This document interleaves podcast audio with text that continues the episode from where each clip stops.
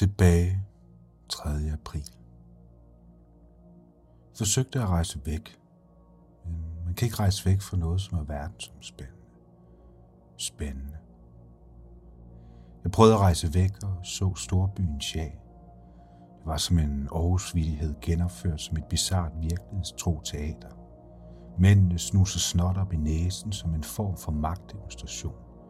De er ikke bange for noget kan vel ikke tillade sig at håbe, at det er en form for naturlig udryddelse af visse befolkningsgrupper. Men det er det. Vel. Jeg samlede puslespil. Tusind prikker. Min koncentrationsevne er forbedret. Det er som en kombineret fængselsdom og skriveoverlov. Efter at have efterlyst skyer, gik solen ned i den smukkeste af malle. Det har været overskyet lige siden. Venner og familie skriver til mig i afmagt. De er ved at miste modet.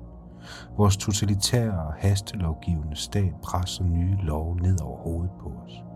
Mens hele befolkningen samles til bekymring for derefter fire minutter sang med pigekorets dirigent.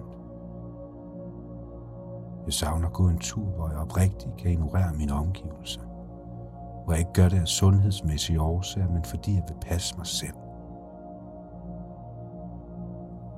Drømmer ustyrligt meget i disse dage. Jeg afbryder min egen drømme med benspænder og vågner. Pernille danser i baggrunden til et eller andet online dansehold. Det er godt at holde sig i gang. Hendes mave gruer.